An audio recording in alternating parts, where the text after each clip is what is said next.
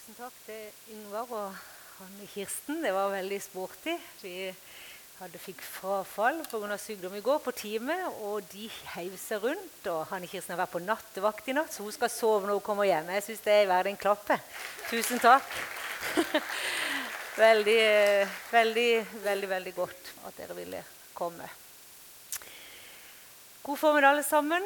Så fint å se hver enkelt, rett og slett. Nydelig å komme sammen. Um, har uh, tenkt på noen ord i dag fra Johannes 4, som er veldig veldig kjente. Uh, teksten går egentlig fra vers 1 til 42. Jeg har lest en del av de versene. Og så har jeg lyst til å prøve å knytte den teksten litt opp mot både hvordan Jesus kom i møte med den kvinnen, men også i forhold til, til hvordan vi kan komme i møte med de som er rundt oss. Leser fra vers 1. Fariseeren fikk vite at Jesus vant flere disipler og døpte flere enn Johannes. I virkeligheten var det ikke Jesus som døpte, men disiplene hans. Da Jesus fikk høre dette om fariseeren, forlot han Judea og dro igjen til Galilea. Han måtte da reise gjennom Samaria, og han kom til en by som heter Sykar. Den ligger i nærheten av det jordstykket Jakob gav sin sønn Josef. Der var Jakobs brønn. Jesus var trøtt etter vandringen, og han satte seg ned ved brønnen. Det var omkring den sjette time. Da kommer en samaritansk kvinne for å hente vann. Jesus sier til henne, 'La meg få drikke.' Hans, hans disipler var nå gått inn i byen for å kjøpe mat. Hun sier, 'Hvordan kan du som er jøde, be meg, en samaritansk kvinne, om å få drikke?' Jødene omgås nemlig ikke samaritanere. Jesus svarte, 'Kjente du Guds gave, og visste du hvem det er som ber deg om drikke?' Da hadde du bedt ham, og han hadde gitt deg levende vann. Herre, sa han, du har ikke noe å dra opp vann med og brønnen er dyp. Hvor får du så det levende vannet fra? Du er vel ikke større enn vår stand for Jakob, som gav oss brønnen og selv drakk av den, og likeens sønnen hans og buskapen. Men Jesus svarte, den som drikker av dette vannet, blir tørst igjen. Men den som drikker av det vann jeg vil gi ham, skal aldri mer tørste. Det vann jeg vil gi ham, skal bli en kilde i ham med vann som veller fram og gir evig liv. Kvinnen sier til ham, til ham, Herre, gi meg dette vannet, så jeg ikke blir tørst igjen og slipper å gå hit og dra opp vann. Da sa Jesus til henne, 'Gå og hent din mann, og kom så hit.' 'Jeg har ingen mann', svarte kvinnen. 'Med rette sier du at du ikke har noen mann', sa Jesus. 'For du har hatt fem menn, og den du nå har, er ikke din mann.' Der snakket du sant. 'Herre, jeg ser at du er en profet', sa kvinnen. I det samme kom disiplene hans, og de undret seg over at han jeg hopper til vers 27 nå da. I det samme kom disiplene hans, og de undret seg over at han snakket med en kvinne. Men ingen av dem spurte hva han ville, eller hvorfor han snakket med henne. Kvinnen lot nå vannkrukken stå og gikk inn i byen og sa til folk.: Kom og se en mann som har fortalt meg alt det jeg har gjort. Han skulle vel ikke være Messias? Da dro de ut av byen og kom til ham. I mellomtiden sa disiplene til Jesus, 'Rabbi, spis.' 'Jeg har mat å spise som dere ikke vet om', og svarte han. De sa til hverandre, 'Har kanskje noen brakt ham mat?' Men Jesus sa til dem, 'Min mat er å gjøre det Han vil som har sendt meg, og fullføre Hans verk.'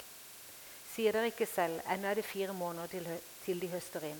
Men jeg sier dere, løft blikket og se på markene. De står alt hvite mot, mot høst. Så står det fra vers 39. Mange av samaritanene fra den byen var kommet til tro på Jesus pga. det kvinnen sa da hun vitnet. Han har sagt meg alt det jeg, har, det jeg har gjort. Nå kom de til ham og ba han bli hos dem, og han ble der to, ble der to dager. Mange flere trodde da de fikk høre hans eget ord, og de sa til kvinnen nå tror vi ikke lenger pga. det du sa, vi har selv hørt ham, og vi vet at han er virkelig verdens frelser. Først så ser vi jo to, to mennesker her som møtes. Vi har Jesus som kom fra Judea. og han, Det var et eller annet som skjedde der som gjorde at han valgte å sette Nasarheim igjen, holdt jeg på å si, til Galilea. Og så står det der at Jesus han måtte gå gjennom Samaria. Sånn Geografisk sett så måtte han ikke det. Men allikevel så står det her at han måtte gå gjennom Samaria. Og Det var ikke den, kanskje den mest valgte veien, pga. at jøder og samaritanere hadde ikke noe med hverandre å gjøre. Og det var sånn sett i fiende, fiende med hverandre.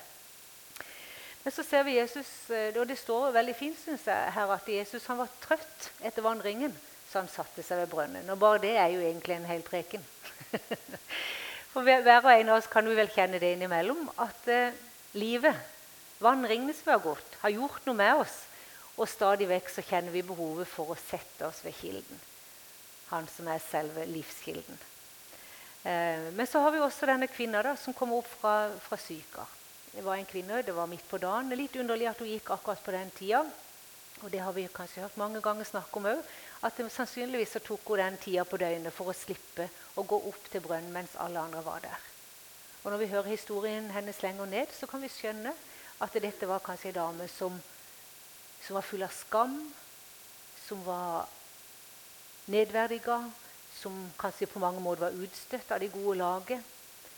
Eh, kanskje bare var lei av alle hviskingene og tiskingene. Kanskje var lei av all baksnakkinga av alle de som fordømte henne. Vet du, Mange ganger er det ikke ord engang som trengs å sies, men vi kan bare liksom utskille noe som gjør at de som er rundt oss, føler, føler seg dårlig. Jeg regner med denne kvinnen hadde levd i det, når vi ser hvordan, hadde, hvordan livet hadde stelt med henne. Så egentlig har vi en veldig hverdagslig situasjon her. Vi har Jesus som kommer etter en lang vandretur og kjenner at han vil sette seg med brønnen og trenger å drikke vann. Og På samme tid så står det her at han måtte gå til brønnen. Så undrer jeg meg litt. Mon tro om Jesus måtte gå den veien fordi at han visste at det kom opp en kvinne fra Sykar? Måtte han ta denne vennen fordi han visste at han kom til å møte denne kvinna som kom nedslått, ydmyka, redd, full av mindreverdighet, mange sår, spist opp av livet vi vet ikke. Men jeg syns det var en fin tanke. Kanskje Jesus bare måtte gå den veien. For at han visste at går jeg den veien, så får jeg se denne her inn i øynene. Og så ser vi veldig fort at Jesus han, han, han bruker jo den hverdagssituasjonen. og jeg håper at vi, mens, mens, vi snakker her nå, at, kunne, at dere kan være med meg på å tenke litt sånn parallelt. For ja, det var et fysisk behov for Jesus etter å drikke vann. Men, men han, han, han, han, er bare leser situasjonen 100% Jesus, midt i denne hverdagslige situasjonen. Og vi alle sammen vi befinner oss hver dag i sånne situasjoner i møte med mennesker.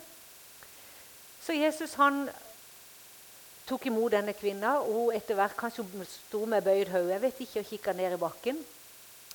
Men etter hvert så, så lar hun seg forundre og tar imot dette her at Jesus spør henne, en kvinne og en samaritansk kvinne, om å få drikke. Og så er det at Jesus bare kommer i møte, og så går han liksom inn ett nivå i, hjertet og tankene hennes. Så sier han, 'Kjente du Guds gave?' Og visste du hvem det er som ber deg om å drikke? Da hadde du bedt han, og han hadde gitt deg levende vann. Så der kommer Jesus liksom inn i hennes hverdag, bruker situasjonen sånn som han er, og benytter skal si, situasjonen dit hen at han at han begynner å snakke, han snur hele hverdagssituasjonen rundt til å begynne å snakke om en helt annen tørst. Plutselig så Kanskje bare Jesus kjente og det er jeg helt sikker på han gjorde, han kjente jo at her var det snakk om en helt annen trøst. Vel hadde kvinna kanskje gått tom for vann hjemme, eller at hun nesten var tom for vann. Det var hun helt sikker siden at hun gikk opp til brønnen. Men Jesus appellerte umiddelbart til en helt annen tørst hos denne kvinna. Kjente du Guds gave? Og visste du hvem det er som ber deg om å drikke, da hadde du spurt han, og han hadde gitt det. Og så Plutselig får hele konteksten for meg en helt annen mening. For der har Jesus liksom bare innleda samtalen med om dette, denne her enkle setninga 'La meg få drikke'. Og i det at Jesus da vrir samtalen inn på sjelens tørst, så tenkte jeg hva var det egentlig Jesus ville ha ut av denne dama? Var det først og fremst vann fra brønnen? Helt sikkert det også. Men jeg tror mest av alt at han der og da inviterte denne kvinna til at hun kunne gi av sitt livsvann til han. Gi meg å drikke av det som er ditt. Gi meg livet ditt. Gi meg tankene dine. Gi meg følelsene dine. Gi meg det du har vært igjennom. Gi meg det du bærer på, kvinne. Gi meg livet ditt Jeg skulle gjerne sett Jesus i øynene. Jeg skulle gjerne vært der. Jeg prøver å sette, tenke liksom, tanker, hva, må det, hva må ha vært med ham? og han kikka denne her kvinna i øynene og sa, 'La meg få drikke'. Og så byr Jesus på seg sjøl, da. Altså, hun sier, 'Hvordan kan du Hvordan kan du be meg?' Hun visste jo hva hun ba. Det var ikke blitt sagt ennå, men hun visste jo hva hun kom med. Og mer og mer forundra ble hun. Hvordan kan du Be meg. en kvinne, en samaritansk kvinne, om å få drikke. Og så kan du liksom nesten se Jesus' inntrengende blikk igjen, hvor han sier, 'Kjente du Guds gave?' Om du bare visste hvem det er som sitter her ved brønnen og ber deg om å få drikke av ditt liv, så hadde du bedt han om å få gi deg levende vann. En argumenterer, ikke sant? og skjønner ikke helt dette her. Og så sier Jesus den som drikker av dette vannet, blir tørst igjen. Men den som drikker av det som jeg vil gi, skal ikke tørste. Men det vannet som jeg vil gi, skal bli i han en kilde med levende vann. Kjærlig? For et bytte! Hæ? For et bytte! Og det byttet spør jo Jesus også oss om i dag òg. Han spør oss her i formiddag om vi er villige å gi han vårt livs vann. Grumsete, kanskje. Kanskje noen har kasta noe oppi ditt beger. Kanskje noen har kasta noe, tømt noe oppi. Eller kanskje du har blanda vannet med litt av hvert. Men Jesus spør la meg få drikke. Så vil jeg jo i utgangspunktet tenke at de fleste som er her, kjenner Jesus har tatt imot ham. Men er det ikke godt for oss òg å av og til minnes på hvem det er som spør? Og det han gjorde den til denne kvinna. Hun visste ingenting. Men han sa bare om du bare hadde visst. Og kanskje du og meg av og til må tenke om vi bare hadde huska på og hvem det er som hver eneste dag ber oss og sier at la meg få drikke av det du bærer. Ja, da hadde vi faktisk latt han drikke. Da hadde vi helt utover han våre kar. Da hadde vi helt utover han det som er grumsete, det som ikke er bra, det som vi ikke er stolt av, det som vi gjerne skulle ha sett var veldig annerledes. Og Vi kan se i Jesus sitt liv at han, han oppsøkte mennesket. Og jeg tror han oppsøkte denne her kvinnen ved brønnen. Jeg tror han oppsøkte henne. Jeg tror han var så utrolig glad i henne at han sa, tenkte jeg skal gå denne veien. Og Vi kan se det i hele Jesus sitt liv. Hvordan Jesus oppsøkte mennesket. F.eks. når Jesus kom gående um, og så denne mannen som var født blind. Han bare stoppa opp langs hverdagsvandringen hans. sin. Han stoppa opp der han kom for å møte mennesket. Eller der står f.eks. at han, han ble blitt tatt av fariseerne. Så, så sier de til han, eller så sier de han spiser sammen med toller og syndere. Jesus fikk høre det og sa til dem det er ikke de friske som trenger lege, men de syke. Jeg er, kom, jeg, jeg er ikke kommet for å kalle rettferdige, men syndere. Jesus ble sett blant hverdagsfolk. Jesus ble sett blant tollere og syndere. Han ble sett overalt der mennesket var. Og Vi kan også se i Jesus' liv at han ble oppsøkt av mennesker av alle slag. Og Det utfordrer meg litt som enkeltperson, og det utfordrer meg som, som en del av en menighet, som en del av et arbeid at eh, Når jeg ser på Jesus sitt liv, så oppsøkte de han. Det var noe med han som gjorde at bare mennesker kom. De måtte liksom bare, der, bare være der han var. Om det var Sakkeus, f.eks. Han må jo ha hørt om Jesus. Han hadde så lyst til å se ham, men det var så mye folk, og han var så liten at folkemengden sto i veien for ham. Men han sørga for å komme seg opp i et tre for å mulig få øye på Jesus. Hva er det Jesus gjør? Jo, han går forbi, og så stopper han opp og så sier han, Sakkeus, i dag vil jeg være med deg hjem. Sakkeus oppsøkte. Jesus stoppa opp. Eller vi kan se hvordan mennesket oppsøkte Jesus på vegne av andre. F.eks. den lamme som ble båret til Jesus. Eller Maria og Martha som var kjempefortvila over at de hadde mista broren sin, og sa Jesus, du blir nødt til å komme. Lasarus er død. Eller denne kvinnen som var grepet i hor. Fariseerne kom drassende med henne, ikke sant? Å, full av uverdighet så kom de med henne. Slengte henne kanskje ned langs bakken. Dømte henne. Eller den blindfødte som ble ført til Jesus. Vi kan bare se liksom hele Jesus sitt liv. Så var det en oppsøkende virksomhet. Det var et, et ønske hos Jesus å komme i møte med de som var rundt ham. Det var et ønske fra Jesus om å bringe legedom til det syke. Det var et ønske fra Jesus om at de som ennå ikke kjente ham, de måtte bli kjent med ham. Det var en utrolig evne i Jesus til å se mennesker. Han så jo som rett gjennom dem. Og han lot de kjenne seg komfortable, han lot de kjenne seg elska, han lot de kjenne seg sett. Han lot de kjenne at de var inkludert. Selv denne kvinnen ved brønnen. Hun visste hun var fra fiendeland. Hun visste hva hun bar. Og Jesus gikk liksom bare enda et hakk dypere inn for å vise at 'jeg vet hvem du er'. Hun kunne jo ha pynta litt på det der. Hun så sikkert fin ut. Hun kom jo bare helt uskyldig med denne vannkroka på hodet. Som et annet menneske, selv om det var litt rart hun kom akkurat på den tida av døgnet. Så gikk hun nå der. Men Jesus bare inviterte seg enda lenger inn. Så sier han 'gå og hent mannen din'. Og Så snakker denne dama sant, så sier hun 'har ingen mann'. Det stemmer, du har hatt fem mann, og han du bor med nå, han er ikke din. Så Jesus bare inviterte seg dypere og dypere inn. Og det var liksom noe, Kan du tenke deg noe så fornedrende? Da fikk hun ikke fred denne gangen heller, liksom. Her går jeg opp midt på dagen i steikheten for å prøve å slippe at noen skal se hvem jeg er.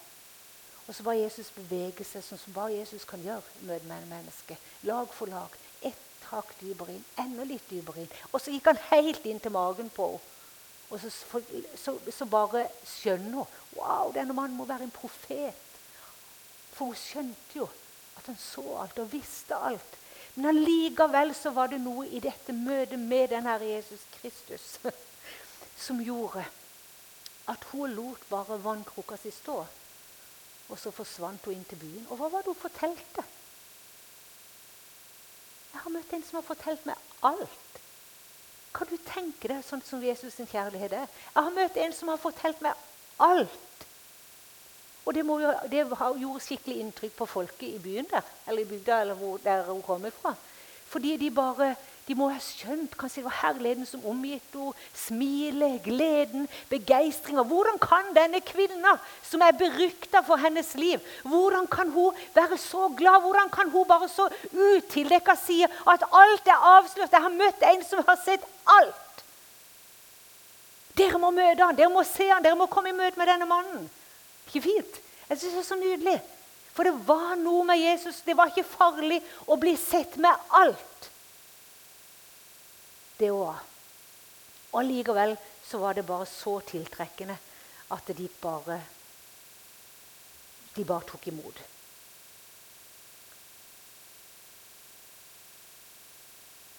Så denne formen, så kan vi tenke at ja, i dag er det du og meg som sitter ved denne brønnen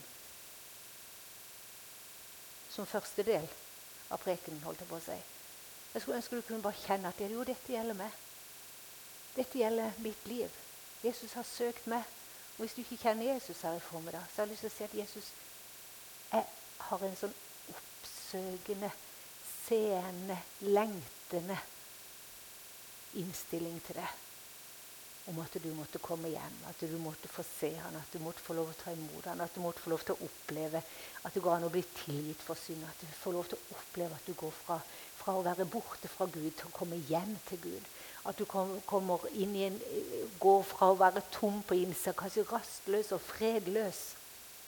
Kanskje skyldbetynga, hva enn du måtte være, til å kjenne at Gud, himmelens Gud, han som kom i møte med denne kvinna ved brønnen, han kommer deg i møte og sier 'gi meg å drikke', så skal du få mitt liv.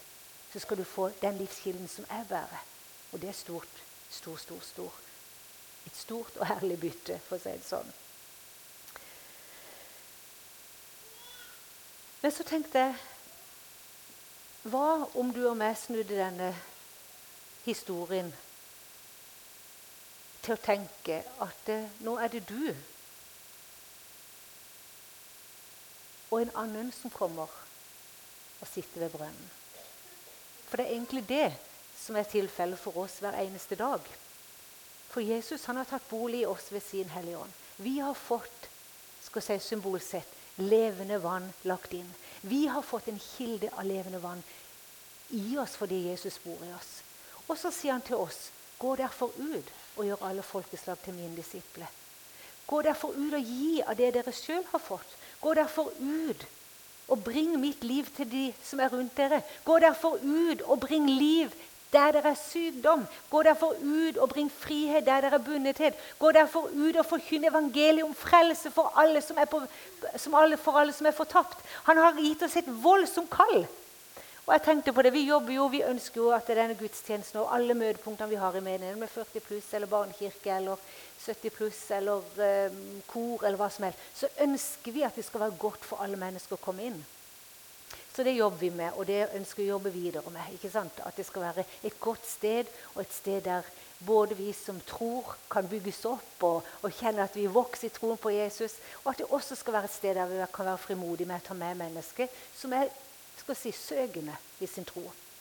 Men så tenkte jeg meg sjøl Egentlig så er vår største forsamling de som du og meg møter hver dag i hverdagen vår. Ikke sant? Og Jeg har jo snakka om det før, men jeg har lyst til å si det igjen. Den største forsamlingen vi har, folkens, den har vi i den uka vi kommer ifra, og den uka vi går inn i. Summen av mennesker som du og meg som sitter her i dag, summen av antall mennesker som vi møter i løpet av denne uka, det er flere tusen mennesker. Ikke sant? Det er faktisk flere tusen mennesker som får et møte med en som tror. Så står det veldig fint i 2. Korinterbrev 3.3 så står det det er Paulus som skriver. Nei, dere er selv vårt anbefalingsbrev, skrevet i våre hjerter, kjent og lest av alle mennesker. For dere fremtrer som et kristig brev, blitt til ved vår tjeneste. Det er ikke skrevet med blekk, men med den levende Guds ånd. Ikke på tavler av stein, men i menneskers hjerte. Så nydelig. Og Jeg hadde bare lyst til å sende oss ut i denne uka med akkurat dette verset òg. At dere er Kristi brev. Dere er. Og det er så fort å tenke at vi skal bli. At vi skal liksom alltid bli noe mer. Og alltid komme litt lenger. Alltid bli litt mer åndelig. Alltid få det litt bedre til. Alltid være litt mer fylt. Men Guds ord sier dere er Kristi brev. Blitt til ved den levende Guds ånd. Blitt til ved mennesker som har brakt noe fra Jesus inn i ditt liv. jeg tenkte på det når jeg, skulle, når jeg var i forberedelse på denne talen. Så jeg, Hvor mange mennesker det er som har skrevet noe om Jesus på mitt hjerte? Vesla, du har skrevet noe om Jesus på mitt hjerte. Foreldrene mine, dere har skrevet noe på, om Jesus på mitt hjerte. Venner, familie, predikanter. Eh, dere har skrevet noe om Jesus på mitt hjerte. Og det er ikke skrevet med blekk, men det er skrevet ved at Guds ånd har virka gjennom dere og brakt noe Han til mitt liv. Sant vel? Og Derfor så er et kristig brev. Og dere er et kristig brev. Dere er jordens salt. Dere er verdens lys. Dere forhindrer forråtnelse. Dere er en, en, en kilde av lys der som dere er og beveger dere. Dere bringer Kristus ut til alle disse menneskene som dere omgir dere med hver eneste dag. Og så bare kjenne Vi skal jo til med uh, i Salem. Så begynner vi med alfakurs 12.9. Så tenker med meg sjøl ja, igjen. Ja, vi kan jobbe med det som er innomhus. Men du, skulle vi ha virkelig tatt imot dette her Vi er Kristi brev. Vi er kjent og lest av alle som er omkring oss. Og det er mange der står i disse versene som jeg leste, at markene er allerede hvite til høst. Og det tror jeg er sant. Jeg tror det er så dags at vi våger å tro at marka er hvit til innhøstning. Og at du og meg i vår hverdag ikke la oss frustrere over at ikke Salem gudstjeneste eller andre møtepunkter er fullt av mennesker som ikke tror. Men tvert imot bare fryd oss over at du og meg møter hundrevis til sammen. Noen tusen møter vi til sammen av mennesker som er rede til å innhøstes for Guds rike. Skulle vi våge å tro, skulle vi våge å ha noe av denne innstillingen inn mot sommeren, inn mot høsten? Kanskje det er en og annen. Du kunne være, eh, tørre å invitere med deg inn på et alfakurs som er superlagt til rette for at mennesker på en god måte skal bli kjent med Guds ord og bli kjent med, med troen og med Jesus Kristus. Og ha den forventningen på at ja, men vi er jo vi er jo oppfylt av Den hellige ånd. Vi har fått i bøtte og spann. Vi har fått en levende kilde som bare strømmer frem fra våre liv. Jeg tror Jesus vil det. Jesus sier det at vi skal eller han sier en plass, følg med, så skal jeg gjøre dere til menneskefiskere. Så tenker jeg, Tenk om vi kunne lære noe av denne kvinnen ved brønnen. Lære noe av Jesus sin holdning. Lære noe med den utrolig vide favnen han hadde. Lære noe med dette fordomsfrie og kjærlighetsfulle som bare lukka inn denne kvinna, som var så fordømt og utelukka fra alt. Lukka henne inn i, hennes, i hans favn. Lukka henne inn i hans nåde. Lukka henne inn i å få del i det livet som han bar. Og jeg tenker hvis han kan liksom tenke på noen episoder hvor bare hjertet er så oppfylt, og Jesus er så tydelig hva skal jeg si, så høyt oppe i bevisstheten at når du møter mennesker, så koster det ingenting å si om du bare visste og hvem jeg kjenner. Om du bare visste og hvem jeg har smakt på. Om du bare visste den frelseren jeg har møtt. Ja, da hadde du faktisk blitt frelst. Sant?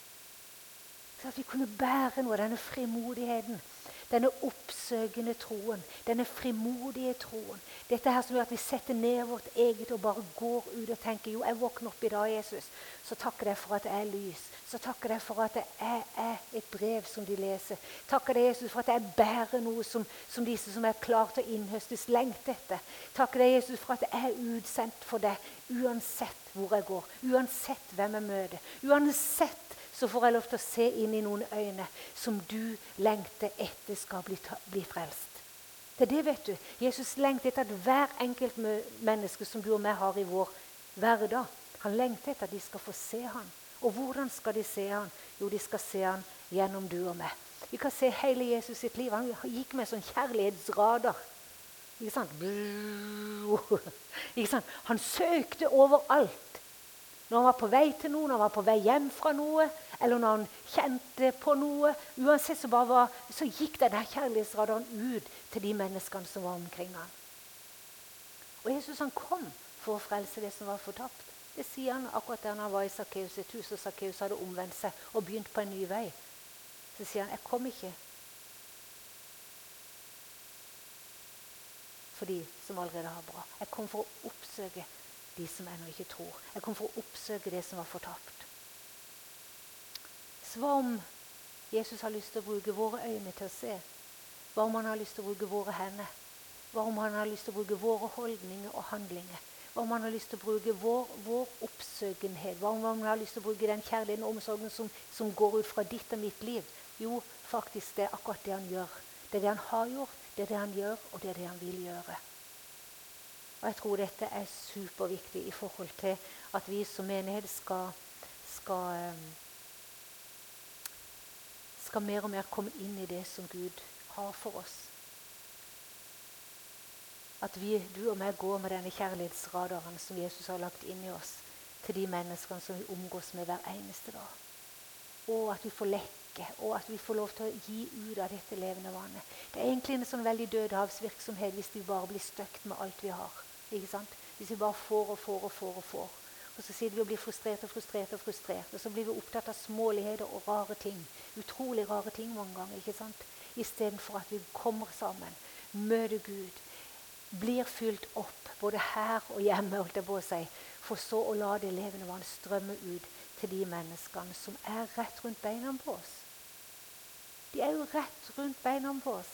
De er i vårt eget hus, de er i vårt eget nabolag, de er på jobben, de er alle veier der vi går. De er på butikken, de er overalt. Jesus brukte bare alle slags helt hverdagslige situasjoner til om mulig kunne formidle noe fra han til de som gjorde at de forsto at de var elska av den høyeste Gud. Alle mennesker er av den høyeste Gud. Og han lengter etter at vi skal bringe det hjem. Tenk på denne eh, gutten, eh, eller når Jesus skulle Jesus var i Galilea, og så han at det kom så mange mennesker eh, til han. Og så det første Jesus tenkte hvordan skal jeg gi dem mat? Var ikke det spesielt? Han tenkte, han så de stimler rundt han, og så sier han til disiplene sine og lurer på hvordan, hvordan, skal få, hvordan skal disse her få spise. Og så begynner disiplene å argumentere ja, men 200 dinarer det rekker jo ikke langt. Men så, men så sier de det er en liten gutt her med fem brød og to fisker. Og da kjente jeg ja, det er ei lita jente her. Jeg har fem brød, jeg har to fisker. Kan du gjøre noe med det? Ikke sant? Så kan vi ikke bare være enige om Kanskje vi alle sammen nesten føler. Kanskje vi som menighet til og med føler nå. Ja, men Jesus, vi har jo bare fem brød og to fisker. Men de ga det til Jesus. Og hva gjorde han? Jo, han velsigna det akkurat sånn som det var. Så de til slutt kunne samle inn mange kurver. Så 5000 var metta, og det var noe til overs. Så tenkte jeg ja, Jesus, kan ikke denne formiddagen være sånn? Én, om vi kunne kjenne jeg får lov til å gi deg alt av mitt, Jesus, så tar jeg imot for min del. Og i neste øyeblikk så bytter vi scene. Så er det du som sitter ved brønnen og tar imot noen i ditt liv som trenger å møte det levende vannet som du har fått.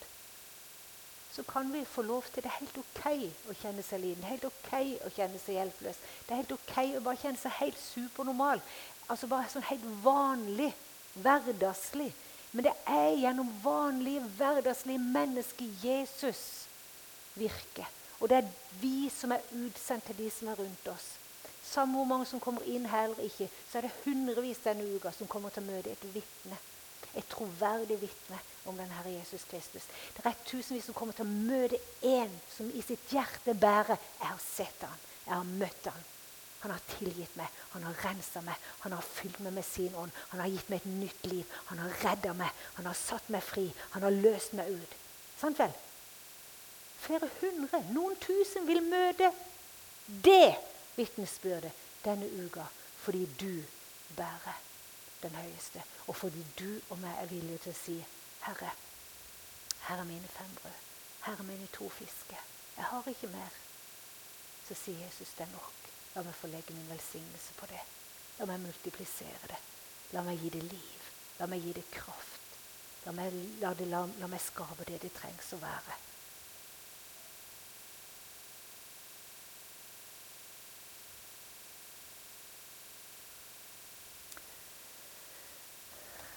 Haldis Reigstad. Det koster så lite. Det koster, koster så lite å gjøre det gode. Å vise omsorg og være nær. Det koster så lite å si de orda 'jeg har deg kjær'. Det koster så lite når livet blir ensom, å tørke tårene fra et kinn. Det koster så lite å kveke litt varme i frosne sinn. Det koster så lite å hjelpe av hverandre, for det gir styrke å være to. Det koster så lite på veien vi vandrer, å være god. Så enkelt, men kanskje så kraftfullt. At du og jeg skal få lov til å bringe Kristus ut til de som er klare, til de som tørster, det er de som lengter. For så bringer de hjem. Til Han som ga alt, som ga sin egen sønn til å dø på et kors for at vi skulle bli frelst, og for at de skulle bli frelst. Far i himmelen, takk for din godhet. Og pris deg for at jeg får lov til å komme og ta imot dette også i dag, at du ber meg om å drikke. Så jeg har lyst til å bare gi deg alt, Herre. Takk for hver enkelt av oss kan gi deg alt vi bærer. Og be om dette hellige byttet, at vi får drikke av ditt levende vann isteden. Og så ber jeg jo, Herre, at du skal øke vår frimodighet og vår tro, Herre. På at faktisk vi er dine budbærere, vi er dine sendebrev. Vi er dine, ditt lys, Jesus. I den verden og iblant de som vi omgir oss med, Jesus.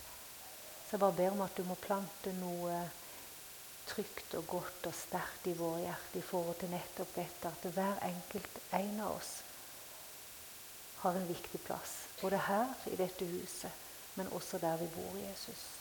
Takk for den forsamlingen du har gitt oss, Jesus.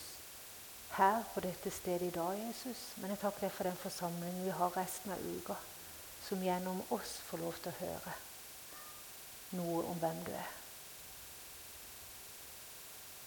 Vi ber for byen vår, Jesus. Vi ber for bygdene rundt, Herre. Vi ber for alle som er klare til innhøstning. Takk for at du ser de, Jesus, og jeg bare ber om at vi skal våge å stoppe opp for de sakkeusene vi møter, de kvinnene i brønnen vi møter, de spedalske vi møter, Jesus, de, de som blir tatt for ulike ting, Jesus, som gjør at vi ligger langt nede på rangstigen, Herre ber om at du skal gi oss nåde og kraft til å se og bringe liv og omvendelse. Fyll det, Jesus, fra deg.